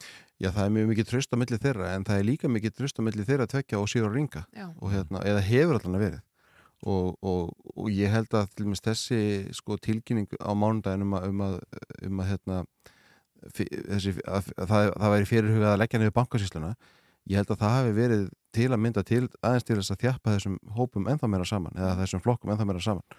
Svo er Lilja að rugga hérna- bátnum. Já, svo er Lilja hérna með VSN bara, og það er hérna allar með sinnum ummælum, það, það, það er alveg augljóst að það var VSN af því að við sáum við sjáum þetta ekki oft, ég meina við sjáum hvernig Katrin svaraði henni í fjölmjölum saman dag Já. og sló svolítið á puttan á henni þú veist, Mm. og ég meina það gerist ekki ofta að fórsinsráður að breyði svona við ummælum annars ráðherra Já. en hérna en það er, uh, sko, þetta er rétt svo að segja, ég meina það er mikið tröstum milli Katrinar og Bjarna en, en, en það alveg á, tegið sér alveg yfir til síður Já, spurning sem margir spurður sig þegar þetta gerist og ég hef svo mikið alveg svarið en ég- ein, ein kenning sem á sér stóði því að fljótlega eftir þessi stjórna mynduð að þá fór maður að það að það væri ekki sama límíinni eins og eh, var í fyrir stjórn og það væri, hún væri ójafnari. Þar að segja að þessi þrjú uh, formunflokkana, þau var ennþá mjög náinn og, og sátt en, en, en það væri ákveðni ráð þeirra sem finnist að hafa fengið eh, hérna, heldur lítið í stjórnamyndunni Lilja þar á meðal. Og, og það verður sem og vildi meina að þegar hún skrifa sér grein í morgunblæðum bankasöluna þá hafa hún í rauninni verið að e, lýsa yfir ákveðinu svona sjálfstæði heyrðu, það verður ekki hægt að ganga svona fram hjá mér eins og gert var í stjórnamyndunina Mm. og þar, þar segja hún fekk hvaða ráðundi hún fekk og hvaða málaflokkar heyrðundi það ráðundi, það var mikið tókast á um það baku tjöldin. Tók smá tíma eftir að mynd, ríkstundum var mynduð með þessu Já, ég meina og ráðþærarnir er ennþá veginn átt að sagði hvaða mál heyru undir þá og henni fannst uh, Katrín og, og, og, ráð, og forminir úrskurða einum og oft sér í óhag Mhm. hafði maður heyrt, þannig að þarna sá hún kannski sætt hún færis að segja, heyrðu, ég get ég, hérna, ég skipti máli ég get byttið frá mér E- Þetta er alveg rétt sem hún segir að ríkistundin er aðeins óstabili sko hvað þetta var þar eftir kostningar af því að það var komin svona ákveðin núningur á milli sérstaklega þingflokkana fyrir kostningar og sá núningur virðist hafa svolítið, virðist hafa tekið hann með sér inn í nýtt samstarf, mm. Mm. þau getur morðað þannig Mhm. þannig að svona, það var orðið minnið þóluma í þingliðinu En Lilja var byrjuð að rugga bátnum aðeins áður en að bankasalan kemst í hámæli, hún var byrjuð að tala um bankaskatt sem að Bjarni að fara hann að svara og það var augljóst að tókst þetta um bara eiginlega hver efnaðasmálin læju, Mhm. sko, er möguleiki að henni verið sparkað á ríkstjórn? Mér finnst það mjög ósennilegt að varaformanni framstofnlóksins er sparkað út. Já. Mm. Það þarf eitthvað mikið að gerast til þess. En hún hefur augljóslega, já sko, hún var að veikja svolítið á setni kjörtambili úr því að vera að, vera, að vera að tala um hana sem augljósan artaka og reynir bara að spyrja um tímasetningu hvernig hún tæki við sem formaður framstofnlóksins yfir í að, að þú og svona voru e, að svona gustaði minna af henni mm -hmm. e, pólitíst þannig að á saman tíma var ásmöndur einar að hérna, já, koma mjög stert upp. Akkurat og maður tók eftir í þessu máli að þá uh, Willum, hann bara ekki blaka af henni, heldur tók undir með Katrinu og hún hefði átt að bóka og hún hefði raunverulega vilja láta eitthvað ágræning koma fram. En já, það er spurning sko, ég held að það verði sérstaklega setni hluti þessa kjörtjöfumbils ef þessi stjórn lifi kjörtjöfumbili þá verði meiri e, óstöðuleiki bara ljósi þessa það sem er svona ofbert leindamál er það að Bjarni Benedinsson ættir ekki að vera lengur í, í, í hérna, stjórnmálum heldur en þetta kjörtjöfumbil mm. Flestir, er, er það staðfest? Það er náttúrulega ekki staðfest en, en e, hérna hann sagði það sjálfur, sínda spilin þegar hann sagðist vel að skipta um ráðundi hann mun líklega skipta við Þórtísi Kolbrunu og setja hann í fjármjörnund og styrkja hanna í, í yfirvöndi formarsla í sjálfstæðarfloknum uh, sumi segja Sigur Ringi mun, mun ekki vera lengur þetta kjörtubil og margir segja Katrín verði heldur ekki lengur. Sumi spáði að hún var í farið fórstaframbóð 2024 ef að Guðni hérna, fylgir þetta þeim orðum að vera bara í tjóð kjörtubil Já. Þannig að Þú kemur, þú kemur bara með svona sprengjur Er þetta ekki akkurat staðurinn fyrir já, svona svona þáttur? En, en, en, en punktur kannski sá byrja því hvort þetta, þessi spotamar allir rættist þess að þá mun þetta verða uh, minni ægi í herbúðun mm -hmm. Já, einmitt. En ef við lítum sko aðeins stittra fram í tíman eh, við sjáum fjölmenn mótmæli á Austruvölli núna síðasta laugadag og, og það verið búið mótmæli núna næstu laugadaga eh, sko ef við spyrjum bara beint út, leifir þessi stjórn út kjörtífumbilið og, og hafa þessi mótmæli einhver áhrif? Já, þetta eru tveir óleika spurningar sko.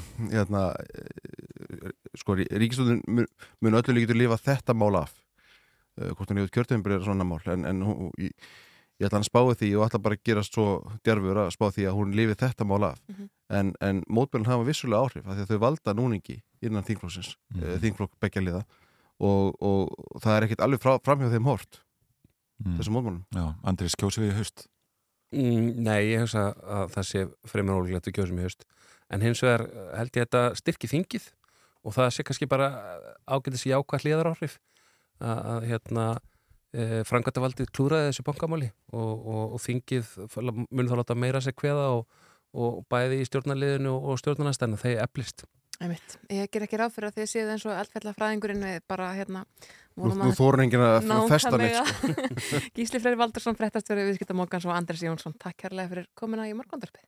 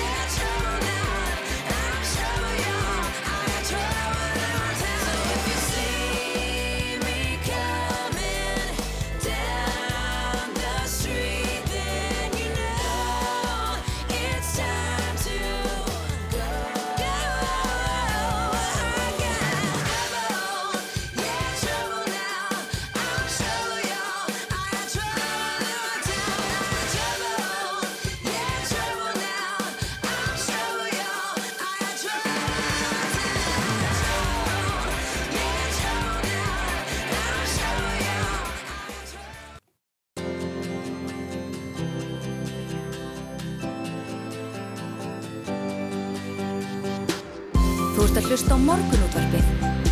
Á Rástvö. Jújú, áframhöldu við hér klukkan ríflega hálf nýju. Uh, nú þegar snjóþungum vetri léttiloks þá hugsa margir sittir hreyfings og ekki síst áhuga fólkum utanvega á náttúruhlaup. Hlauparsamfélagi náttúruhlaup býður upp á hinn íms, uh, ímsu námskeið fyrir hlaupara og meðal annars á næstunni grunnnámskeið sem getur verið skinsanlegt fyrsta skref fyrir þau sem langar að prófa að hlaupa utan vega. Við erum komin með til okkar Elisabethu Margisdóttur og Birkjum á Kristinsson, reynslu miklu hlaupara á þessu sviði sem að sinna þjálfun hjá náttúruhlaupum. Verðið velkomin. Takk. Takk. Sko, uh, náttúruhlaup, ég sé fyrir mér að hlaupa eitthvað starf hérna fyrir ofan hveragerði, það er eiginlega fyrsta hugsunin. er það, hérna, þurfa allir að hlaupa upp á fjöll ef þeir eru í náttúruhlaupum, Elisabeth? Nei, þetta eru ekki bara fjallarhlaup, þetta eru, við hugsaum þetta að við erum að fara svona af gutuna minnstakosti, við erum að fara aðeins út úr svona hverfunum og reyna að nýta þessi grænu svæði sem eru í innan Reykjavíkur svæðisins og í útjöðurum þess og þannig að við erum að reynum að helst að vera á stígum, svona mjúkum stígum, við, við reynum að sleppa malbygginu eins og við getum. Uh, við þurftum reyndir að nota malbyggit aldrei í, í vetur út af því að veturinn var bara mjög snjóþungur, mm. þannig að við færðum æfingarnar meira innan bæjar. Uh, en við notum heiðmörk mikið, um, uh, Hólmsheiði, við erum í hérna, Mósfellsbæ, Mósfellsveit mm -hmm. Hafnafjörði bara. Já, uppland Hafnafjörðar þetta eru ótrúlega mörg svæði e, sem við erum að stunda æfingar á og veist, öll þessi svæði bjóð upp á endalösum hugleika mm. Já, við erum búin svo ótrúlega vel með það sko að það er bara hægt að fara nánast hver sem er hérna og finna einhverja fallega leið og það er eitt af þessum helstu hérna, það sem fólk segir eftir námskeið hjá okkur að bara allar þessar leiðir sem eru svo nálagt fólk kannski veit að þessu en hefur aldrei farið mm. og að bara uh, fá það að maður bara leiði fólk í gegnum það sko að það, það er virkilega Já.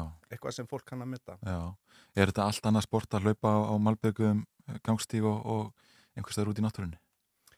Já, Já. Það, það er bara önnur upplifun þetta er svolítið, það má kannski líka því við uh, munurinn á því að hlaupa á bretti og, og hlaupa svo úti á malbyggi mm. og, og, og hérna að því að uh, í náttúrunni við bara þekkjum það uh, Íslendingar hvaða gerir fyrir okkar að vera í þessari fallu náttúru að fara í fjallgöngu eða eitthvað slíkt að umhverfi það bara kallar á aðra upplifun mm. maður gleymið sér svolítið í bara upplifuninni og hérna, þetta snýst ekki svona mikið um tíma og, og það gerir gerna í götturhlaupunum mm -hmm. og það er líka miklu meir fjölbreytni maður að fara meir upp og niður þannig að það er betra fyrir líkamann mikri stígar og, og undirlag og hérna þannig að þetta er þetta er bara svolítið tvent ólíkt upplifunin sko. mm. En fyrir þau sem eru kannski að byrja að hlaupa eða eru ekki mjög reynslu mikil og upplifa það að fara eftir sko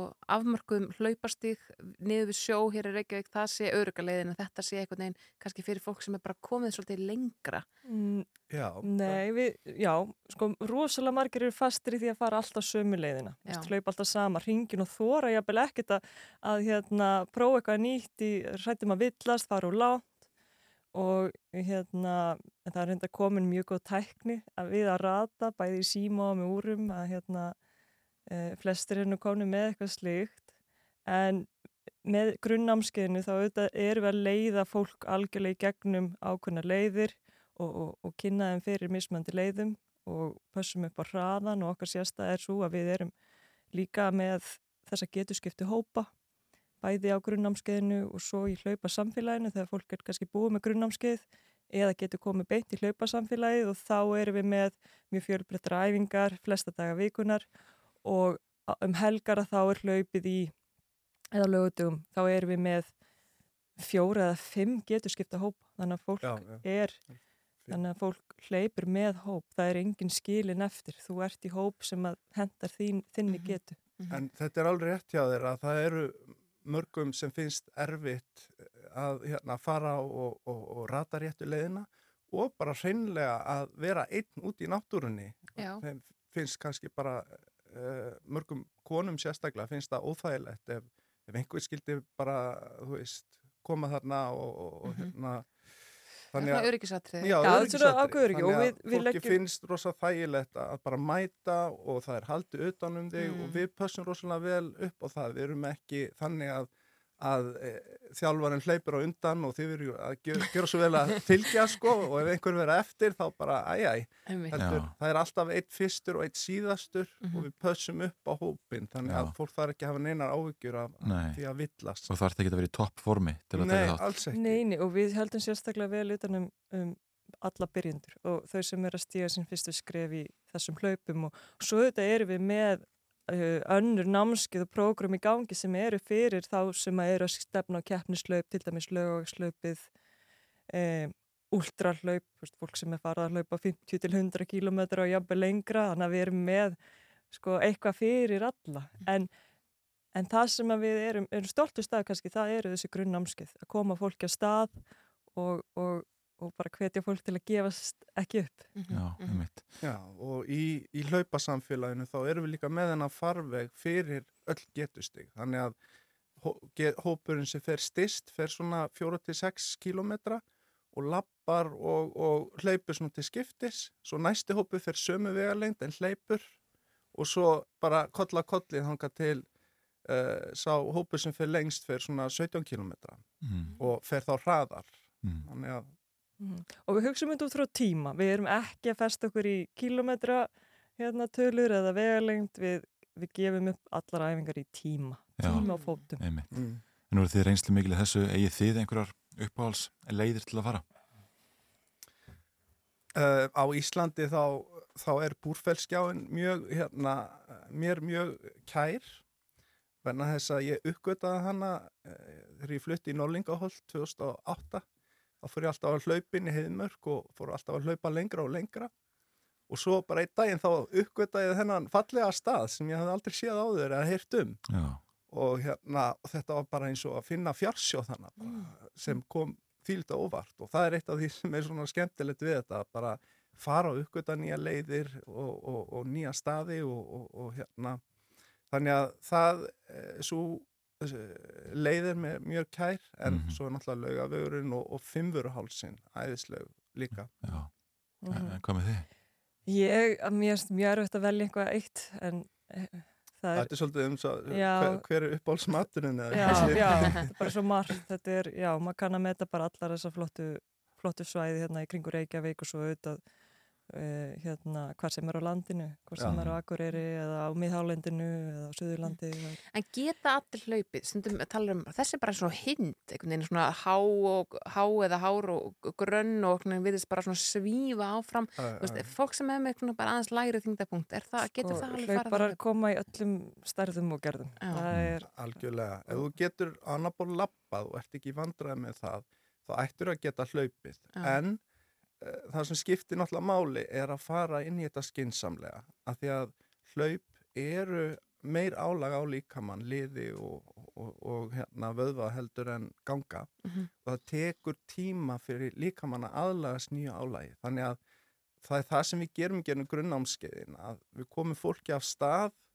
á skinsamlegan hátt að gera ekki of mikið í einu eins og Íslandikar vilja gera og sprengja sig Mhm. og komum fólk yfir hennar hjalla að hlaup séu erfið af því að það er erfið fyrst ef fólk er ekki í formi en, en maður heldur áfram að þá hérna, kemst maður í form og það er svo gaman að sjá fólk byrja að blómstra þegar það sér áhrifin sem það hefur á á uh, formið þeirra og bara uh, hvað, hvað þetta gerir fyrir þau Já, það er að finna þetta inn á náttúrulaup.is, þetta námskeið, ekki satt? jú, grunnnámskeið og svo langar mér líka að nefna hérna, ný- glænýtt námskeið sem við erum með, sem við kallum fimmvörðuháls námskeið eða 5VH námskeið og það er fyrir þá sem eru búin að vera stundar hlaup núna í einhver tíma en eru ekki tilbúin að fara til dæmis og, og í, í ykkur últrahlaup eins og Nei. laugavægslaupið en langar að fara í eitthvað stittra og, og þetta eru kannski fyrir marga er þetta ekki stutt hlaup? Þegar ég segi 20-30 km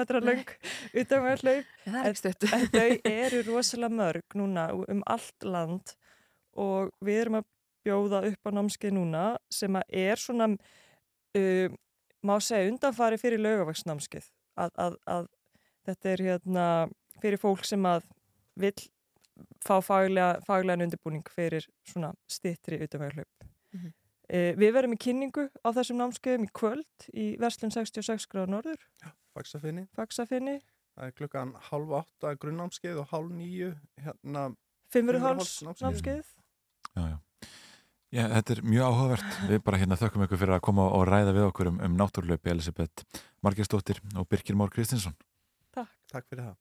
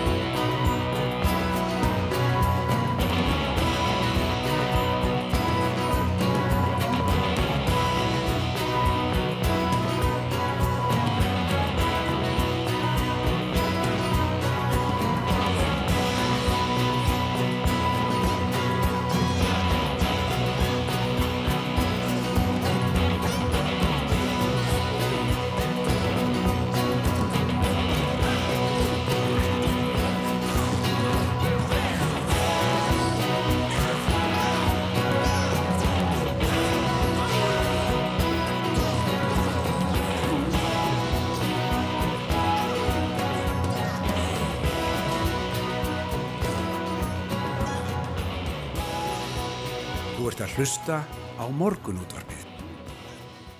Jú, það er engur logið um það að okkur dagskrákera fólki á rúf berast ótal kvartanir yfir svo kallu kyn hlutlösu tungmáli.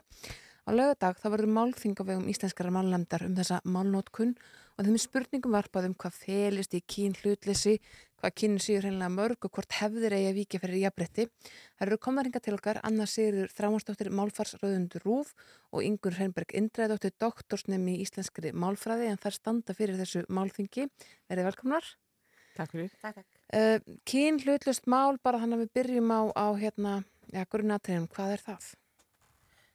Uh, í svona innfölduð málið þá er kynhlutlust mál pólitísk viðletni til að vika frá eldri málhefð eða eldra málkerfi jafnvel uh, í þáu kynja jafnbryttis. Mm.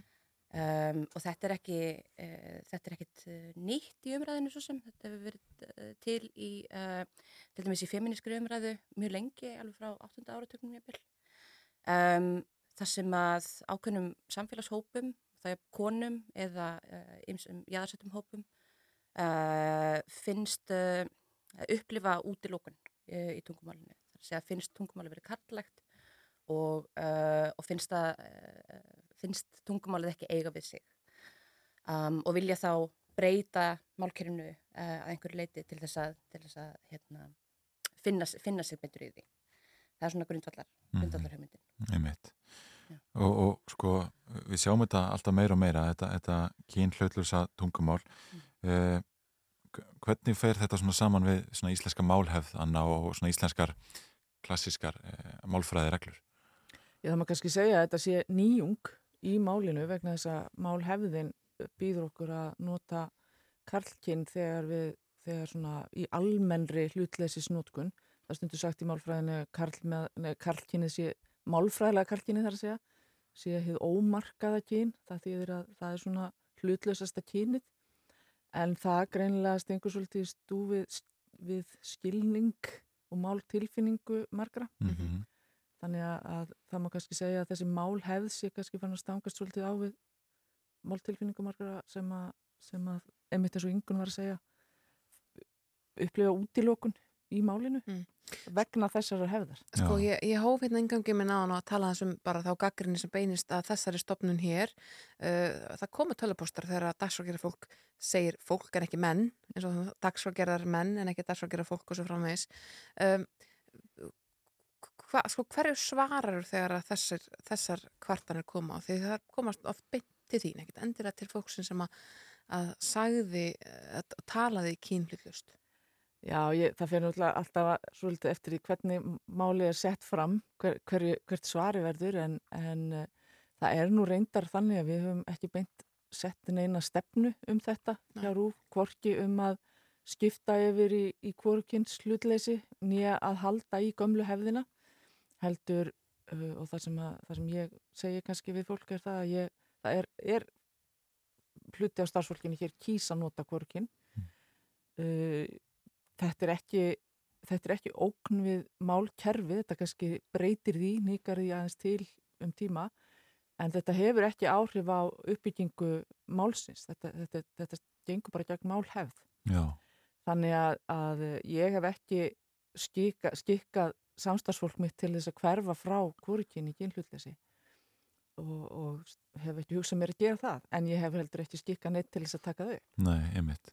Við rættum síðast við þig um setuna og, og þessa ákverðun íslenska stjórnvalda á sínum tíma um að nema bókstafinn brott úr íslenskum rítreglum var ég kannski aðskilja að nema kynin úr, eða þessar svona klassísku e, kynreglur úr rítreglum Málfræði kynin? Já Já, þau, þau eru náttúrulega partur af málkerfinu og það er því nú stórt stór aðgerð.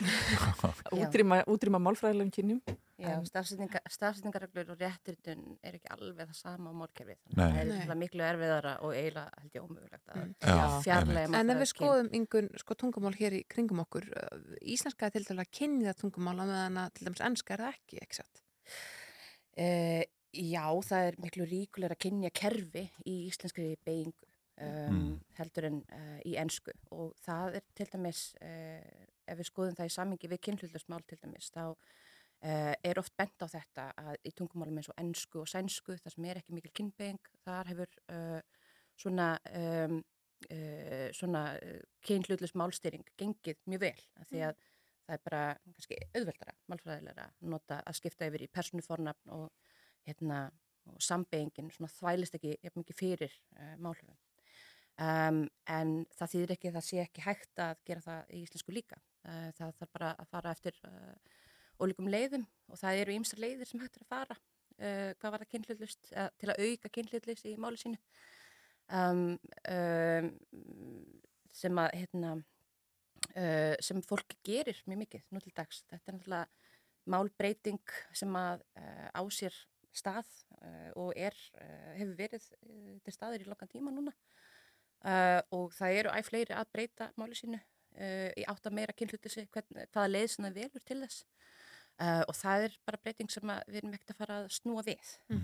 Mm, en Mér lókar kannski bæta ég aðeins við að það er, það er má segja, að ég myndi telja skiljanlegt að það sé ákveðin andstaða við þessa málbreytingu og þessa stýringu vegna þess að það, hún gengur gegn mjög sterkri ríkjandi hefð mm -hmm. og mál tilfinningsfólks tilfinning fólks er einhvern veginn svo sterkur partur af bara sjálfsmynd manns mm -hmm að, að hérna, við eigum erfitt með að breyta og kannski óttast margt fólk að, að það verði farið að keira þessa breytingi gegn og því verði gert að breyta sinni eigin málnótkunum máltilfinningu mm. en ég hef hverki séð að það uh, sé stíf krafa um það jáfnvel þó að ákvæmna stopnarnir og fyrirtæki séu hvert til að breyta Já, einmitt. Mm.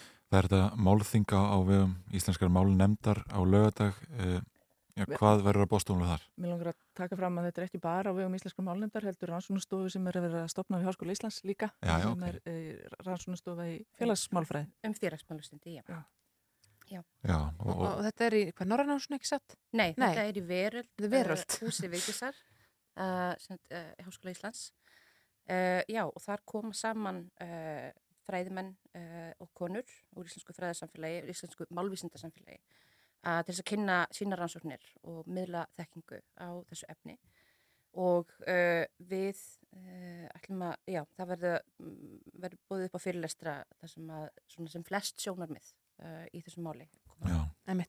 Við komast ekki lengra, Anna Sigurður Þráhansdóttir Málfarsváðandur Rúf og Ingun Hreinberg Indræðdóttir, doktorsnemi í Íslenskri Málfræði. Takk kærlega fyrir komuna í morgunúttarpið og við kveðum í dag. Já, við erum búin að fara við í þættinum í dag rættumstöðu ríkistjórnarinnar landsmót hvæðamanna uh, utan kjörfunda atkvæðagreyslu og margt fleira. Við þökkum fyrir samvildina.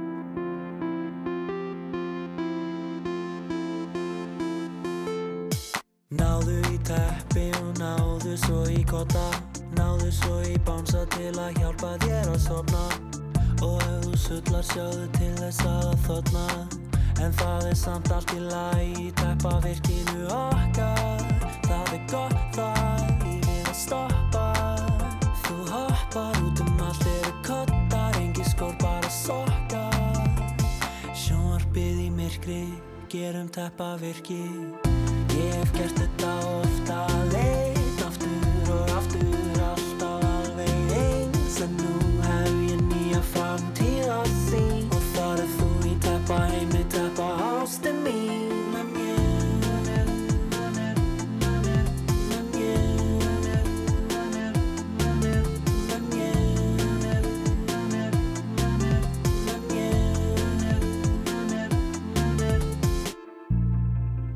við svífum upp í tæpa heiminin og við hlæjum því að þú er svo fyndin Kottarnir og lakið, gólfið og þakið dýna fyrir bakið.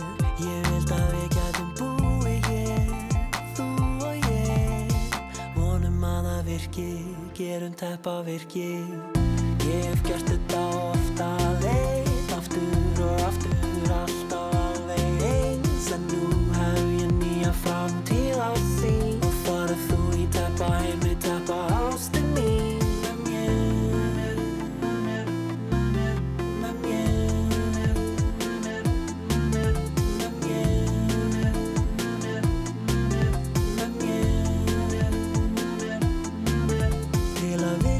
virki standi þartu sterkan grunn. Ég þekki sterkasta grunn í öllum heiminum. Það er þú og ég eins og kott og kotta veg til að virki standi þartu sterkan grunn. Ég þekki sterkasta